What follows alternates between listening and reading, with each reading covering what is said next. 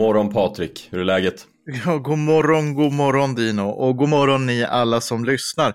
Det här blir ju ett lite annorlunda avsnitt för att vi hade ju laddat för att ha en fantastisk gäst, ett spännande samtal eh, och så blev det problem. Så att vi har tiden att spela in podd men vår gäst blir vid ett senare tillfälle.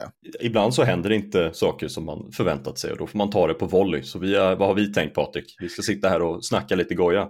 Ja, men vi, vi, tänkte nu utsätta er lyssnare för ett litet experiment. Den här podden blir Dino och Patrik pratar om säkerhetspolitiska spaningar som har hänt i närtid. Lite högt och lågt, lite gott och blandat medan vi dricker kaffe och förhoppningsvis medan ni dricker kaffe och får till er någonting som ni kanske inte hade uppfattat tidigare. Där hoppas vi på en relativt hög lägsta nivå då. Vi kan väl börja Patrik, jag har för mig att eh, här i veckan, eller om det var förra veckan, så gjorde du ett stort anförande på Kungliga krigsvetenskapsakademin, stämmer det? Ja, det stämmer. Eh, jag blev ju invald i fjol och eh, höll i förra veckan mitt inträdesanförande. På... Vad är det ni gör för, no för, no för en lekman som jag som inte har någon aning så att säga? Vad en, vad en akademi gör? en... det är bra. Vad gör ni? Det är ja. kanske en obekväm obekväm fråga. Det, det, är, en, det, är, en, det, är, en, det är en bra fråga. Eh, nej, men det är ju som så att, att eh, om vi tar då, Sverige har ett, ett stort antal olika kungliga akademier eh, där då ledamöterna är ideella i, i de allra, allra, allra flesta fall. Eh, det finns ju en akademi som kanske är den mest kända akademin där ledamöterna eh, har, en, har en arvodering Ehm, och det är ju Svenska akademin, där det är ju Aderton. Krigsvetenskapsakademin, den är ju en, som man säger, en ideell förening med, med, med hundratals medlemmar. Så att den har ju inte en begränsning eh, som är lika snäv som Svenska akademin. Svenska akademin handlar ju om språket, Kungliga krigsvetenskapsakademin handlar om att stärka fäderneslandets försvar. Och som i en akademi då så så diskuterar man eh, och skapar kunskap och akademin har också olika projekt. Eh, tar fram eh, eh böcker, eh, skrifter, man eh, publicerar återkommande eh, då i vetenskapliga skrifter i, i i eh, tidningen då som kallas för Gulan i folkmun men som heter Handlingarna och tidskrift i eh, eh, mer formellt. Eh, och där så småningom så kommer mitt inträdesanförande att dyka upp i, i längre skriftlig form med, med massa fotnötter och så. Men jag höll alltså inträdesanförandet. Ja, just det, men då är det mycket, mycket verkstad på er då. Jag, att jag inte riskerar att bidra till akademikerföraktet här. Det låter ju intressant. Ja, och akademin då, Kungliga krigsvetenskapsakademin har ju då eh, sex olika avdelningar som sysslar med olika saker och jag är invald i avdelning sex, den, den sjätte och sista avdelningen då i, i numreringen. Och det är den säkerhetspolitiska avdelningen. Det finns eh, en en avdelning för, för eh, landkrigföring, luft, sjö, eh, övriga vetenskaper eh, och så vidare. Så att, så att det finns ju då olika delar i akademin som ägnar sig åt olika frågor och ibland så fördjupar man ihop med varandra. Men mitt inträdesanförande, eh, ska vi lyssna på en bit först? Cyberdomänen existerar inte i ett vakuum, den påverkar vår verklighet och verktygen för att genomföra den här typen av angrepp kommer bara att fortsätta att utvecklas. Och därför behöver olika motmedel, som att ta ut en kostnad för angreppen, komma plats redan idag. Ja, och, och, som ni hörde då så handlade det där om, om cyber och, eh, och mitt intresseanförande det, det, det, byggde då på att eh, eh, jag argumenterar för att vi behöver bygga en avskräckning i cyberdomänen. Eh, så att man tar ut en kostnad när någon gör ett cyberangrepp eh, mot en, en, demokratisk institution till exempel. Eh, I anförandet så tog jag upp fallen med norska stortinget, tyska förbundsdagen eh, till exempel. Då. Eh, och idag så blir det väldigt få reaktioner därför att ett cyberangrepp till skillnad från ett fysiskt angrepp, jag menar om militär underrättelsetjänst med vapen i hand skulle bryta sig in eh, och under en period ockupera till exempel norska stortinget, då skulle det bli ett jäkla liv. Mm. Men mm. är det cyber så syns det inte och syns det inte så finns det inte riktigt i vårt kognitiva medvetande. Men här argumenterar jag då att Sverige borde med med liksom säkerhetspolitisk grund då utifrån vår egen solidaritetsdeklaration. Inte att vi ska exportera solidaritetsdeklarationen, men det är då varför vi ska göra det. För att vi har sagt att vi ska vara solidariska med våra närmaste vänner. Så med den inställningen så vill jag då att vi, vi utvecklar tillsammans med likasinnade eh, att vi står upp för varandra när någon blir attackerad. Eh, och det kan vara från att man går ut och säger ja, vi ser vad ni gör och vi fördömer det här cyberangreppet från statsaktör X till att man tillsammans skickar hem diplomater som är egentligen underrättelseofficerare till kanske sanktioner eller andra gemensamma åtgärder så att det blir mer kännbart.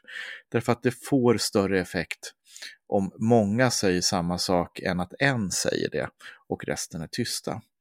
Eh, och det här har ju bland annat också lyfts i Nordiska rådet. Av, det finns en isländsk ledamot, Björn Bjarnason, som har gjort en utredning på det här och lyft det i den nordiska kretsen så att debatten finns. Så det handlade mitt inträdesanförande om. Jag tänkte fråga dig, hur, hjälper man varandra vid cyberangrepp? Det, det, är ganska, en ganska sårbar position att befinna sig i. Alltså att man, är, man är singled out av någon kompetent eh, cyberaktör. Eh, och liksom, är, är det bara den här symbolpolitiken vi kan göra då i efterhand, efter det faktum att angreppet har skett? Eller, eller har vi någon sorts... Det, det, finns ju samarbete redan idag, eh, till exempel då att eh, man, man hjälper varandra med, med underrättelse för att förstå vad som har hänt. Eh, man kanske då, någon detekterar att någonting händer hos någon annan och varnar. Eh, man kanske går in och stör verksamheten också. Ehm, eh, på, på olika sätt. Så att, men, men det sker inte öppet. Men mm. det som jag far efter här, det är då att plocka ut ett, ett öppet pris. Eh, som, som blir tydligt för angriparna. För idag kostar det ingenting. Det får inga mm. konsekvenser. Eh, det blir ingen avskräckning. Eh, det blir ingen eftertanke. Ska vi verkligen göra det här inbrottet eller inte? Utan det är mer, mer som så att ja, kommer man in så kommer man in och då får ju den som försvarar sig skylla sig själv. Det blir ingen ansvarsutkrävning av den aggressiva handlingen. Eh, och bara för att illustrera hur stort problemet är så eh, Håkan Buske, tidigare vd för Saab, han var ju intervjuad här om dagen eh, då eh, i ska vi se, tänka efter, det måste varit Svenska Dagbladet va? Såg du den artikeln?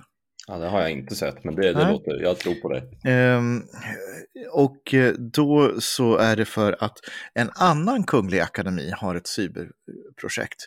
Kungliga Ingenjörsvetenskapsakademin. Och då är mm. Buske då som tidigare vd för Saab, han är ordförande i styrgruppen för det projektet. Och då, då upprepade han i den intervjun någonting som han sa tidigare som Saab-vd, att vi är redan under ockupation i cyberdomänen. Vi har angriparen redan här. Mm. Eh, apropå omfattningen av, av cyberangrepp.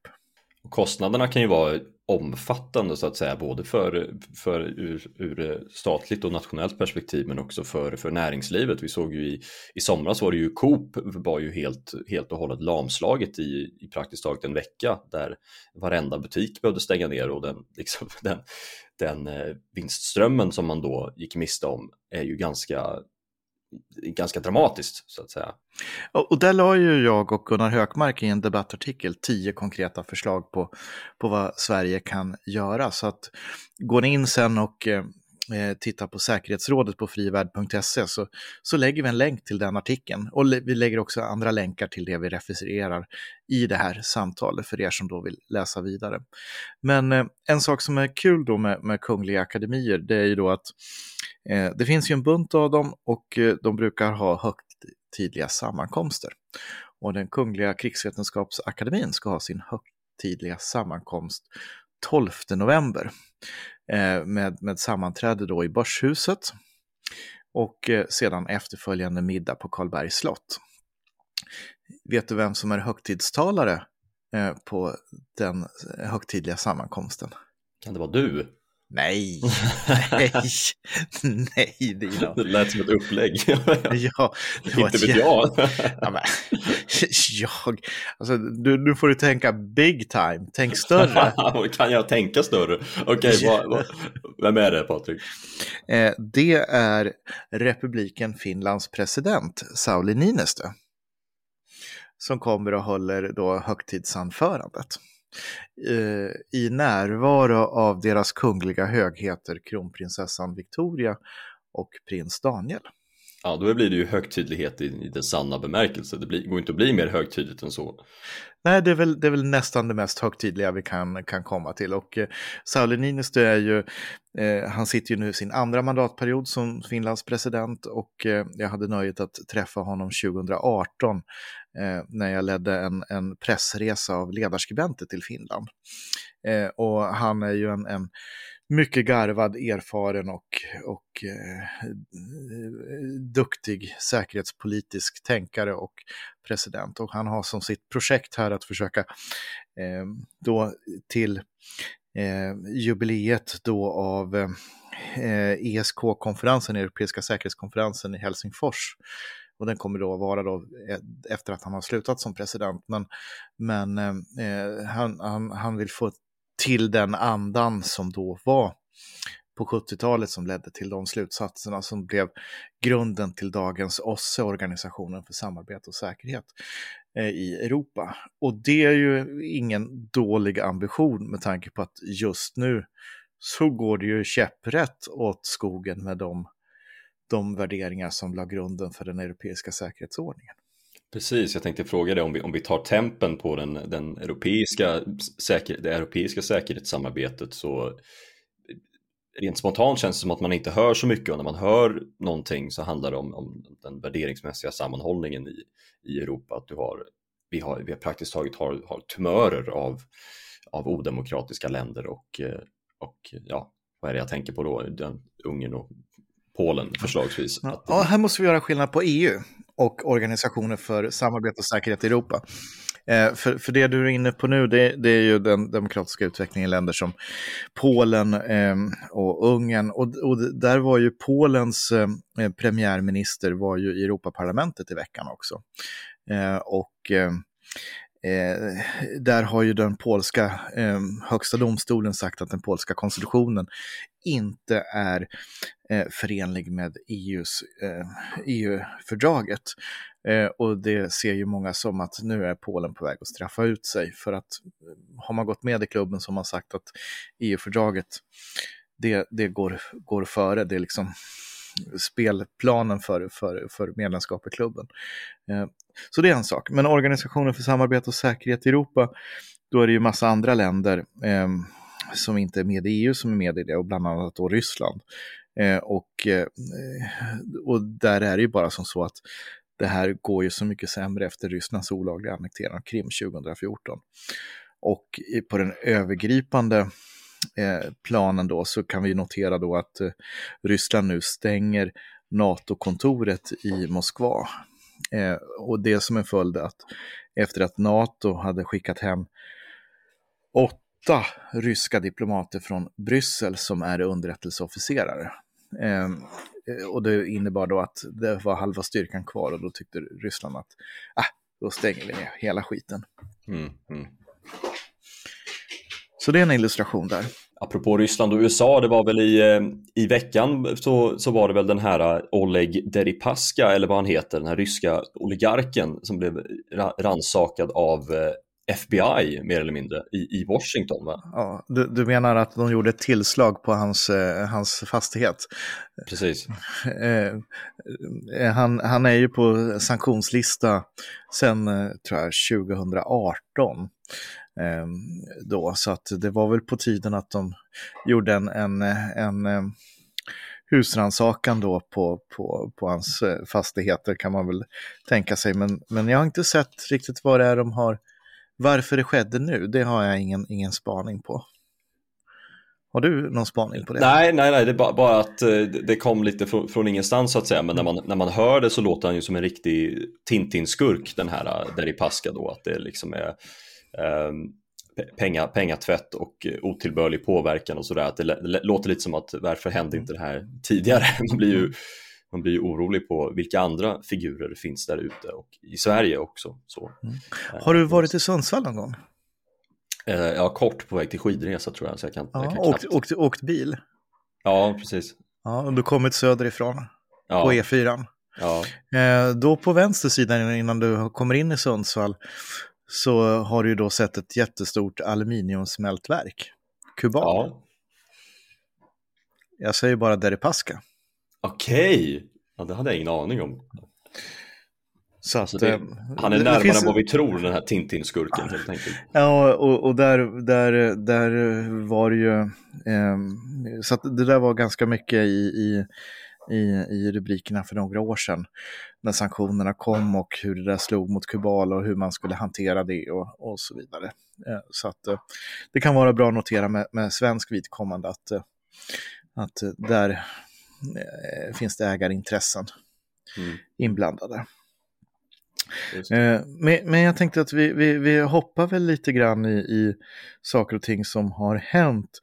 Noterade du eh, händelsen då när ryska och kinesiska fartyg gick igenom ehm, eh, då, eh, eh, sundet mellan, mellan Honshu och Hokkaido?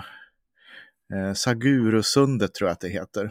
Mellan de japanska öarna där ja. De japanska öarna. Eh, på internationellt vatten ska vi säga. Mm. Men, men ändå då så var det fem ryska och fem kinesiska eh, örlogsfartyg. Eh, jagare, korvetter, minröjare och, och ubåtar som, som seglade igenom där. En, en temperaturmätare på hur det är ställt i temperaturen då eh, i farvattnen runt Kina. Vi har ju sett en massa flygningar mot Taiwan också från, från kinesisk sida som sammanföll då med, med Taiwans nationaldag. Sen eh, tycks jag minnas att du i, du i veckan, när vi ändå pratar om Ryssland, vi kan gå över lite på Kina här alldeles strax, eh, men när du ändå när du ändå talar Ryssland så minns jag att du, du tweetade här i veckan om, eh, om den eh, skarpa minskningen i rysk befolkningsmängd till synes från ingenstans eh, när man ser till den, den, den, ryska rapporteringen av siffror när det kommer till covidfall och sådär.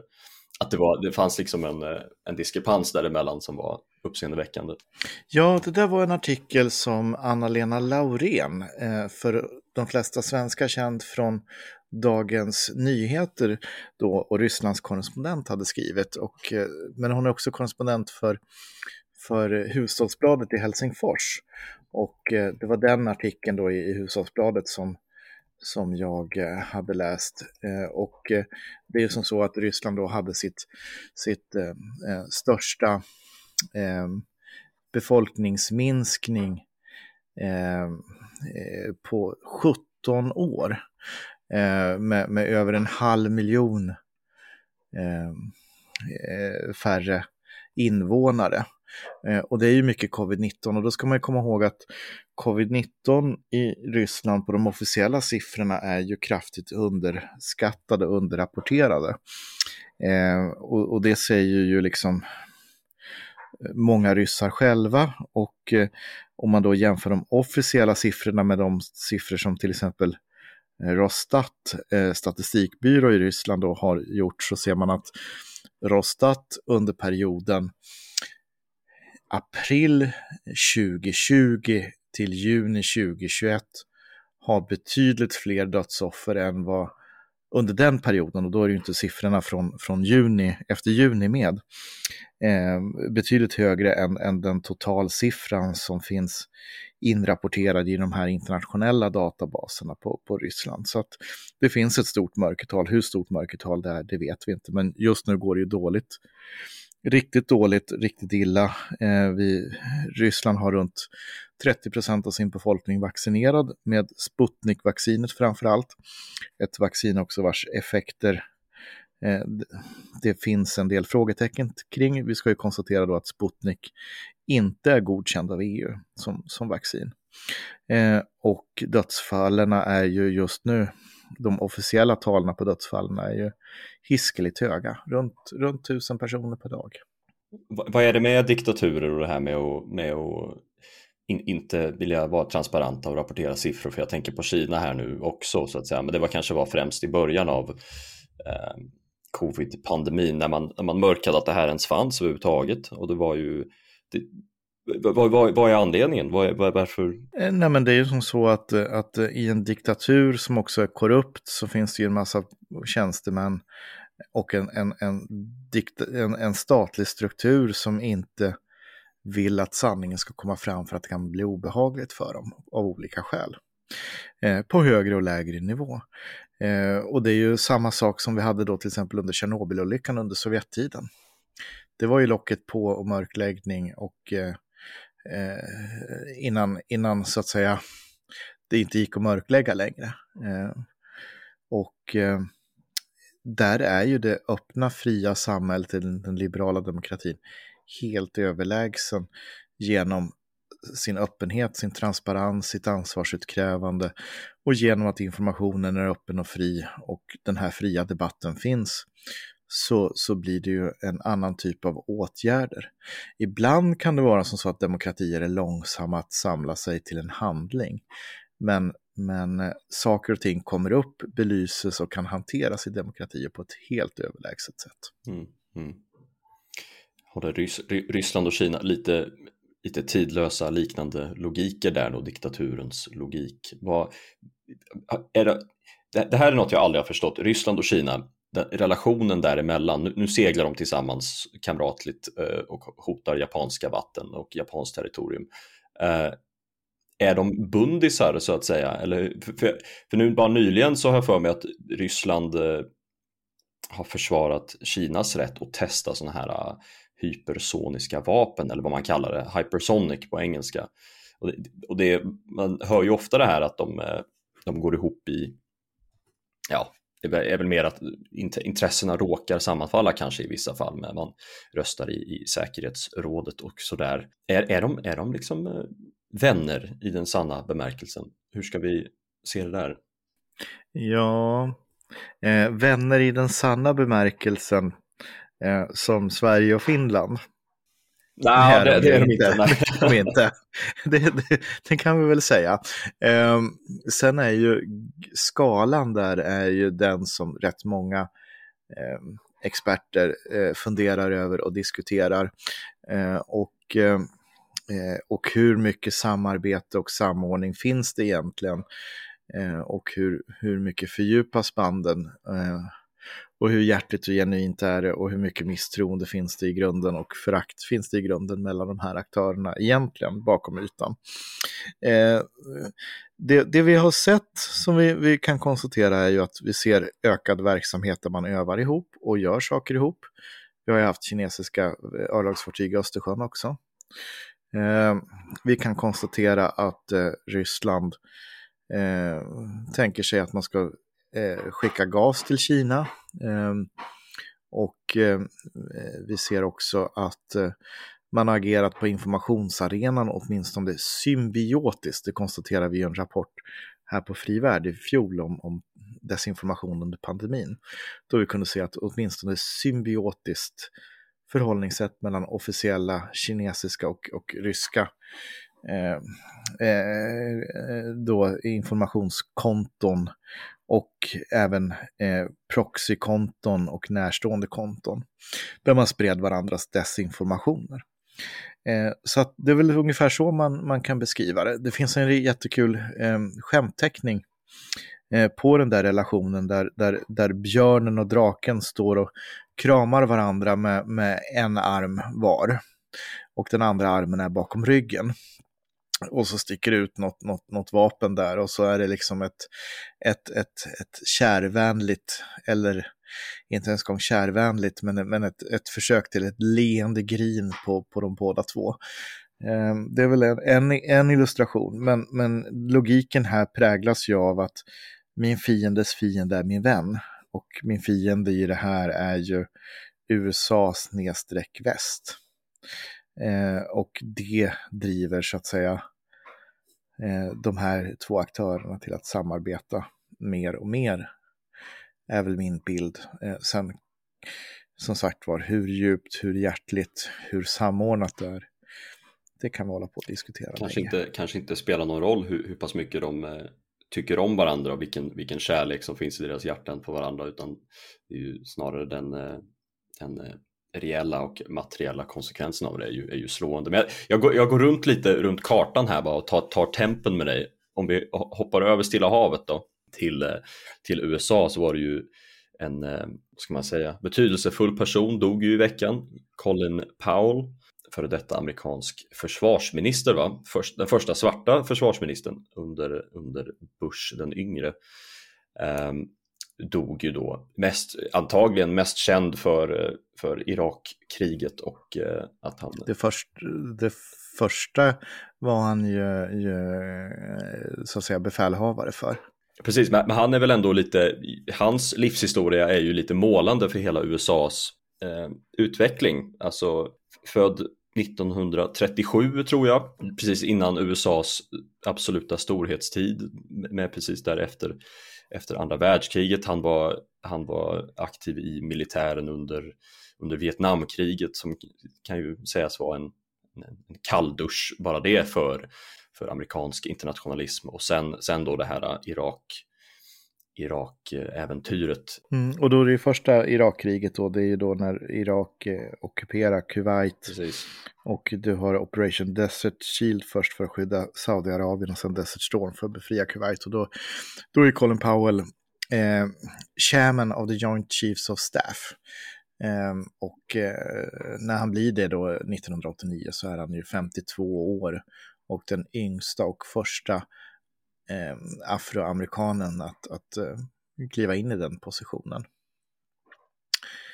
Eh, så att eh, det, det är en helt makalös karriär. Och sen så har du andra Irakkriget, det mindre lyckosamma där, där eh, som, som Bush den, den eh, yngre eh, eh genomför eh, där man skyller på massförstörelsevapen som sedan visar sig inte finnas.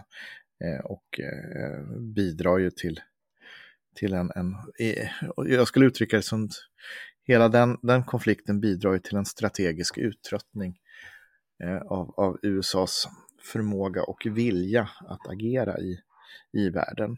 Precis, och det mest målande exemplet i närtid är väl eh, Afghanistan på det, så att säga, att det här med den västs kollektiva vilja att eh, engagera sig i, i i eh, sådana här frågor tycks ju minska. Ja, och det blir ju då en, en ökar utrymmet för andra aktörer ja. och skapar, skapar oro i, i världen. Eh, så att eh, det är ju en, en eh, om vi går tillbaka till Colin Powell så är det ju en fantastisk karriär. Eh, men naturligtvis så är ju då det som, som sker under hans, eh, hans eh, tid då som, som utrikesminister Eh, han sitter ju som utrikesminister då i, i, i fyra år, eh, naturligtvis. Eh, eh beklaglig så. Mm. så att, eh. mm. Vi kan, eh, jag tänker att vi kan, vi kan avrunda på något lite mer, mer positivt än den här, den här dystra, den dystra, den dystra prognosen för, för västerländsk internationalism. Jag, jag var här i, i dagarna så var det ju stort uppslag i Svenska Dagbladet tror jag om, eh, om Glasgow i, i, i Skottland och eh, hur man har lyckats vända våldsutvecklingen i, i vad man tidigare varit så här, du vet Glasgow, ganska, ganska hård, eh, ruffig, regnig skotsk grå stad med extremt höga eh, mordtal, liksom chockande höga för att vara Skottland och, och Europa och sådär. Eh, som har lyckats vända utvecklingen till stor del blir du, blir du inspirerad av att höra att, man, att det går att vända sådana här saker? Nej, men vi vet ju att det går att vända och det är naturligtvis alltid inspirerande att, att höra om sådana exempel och eh, titta också på vad, vad har de gjort och vad kan vi lära oss av det rent konkret. Och jag tycker att framförallt det jag fastnade där, och, och du kanske fastnade på samma sak, det var ju hur de eh, eh lät då de här gängbrottslingarna eh, få ta del av konsekvenserna av deras handlingar. Det. Eh, det. här, det här med sjukvården till exempel. Eh, hur ser det ut? Eh, det är inte så vackert att komma in rejält skottskadad. Och, och vad betyder det här och vad leder det till?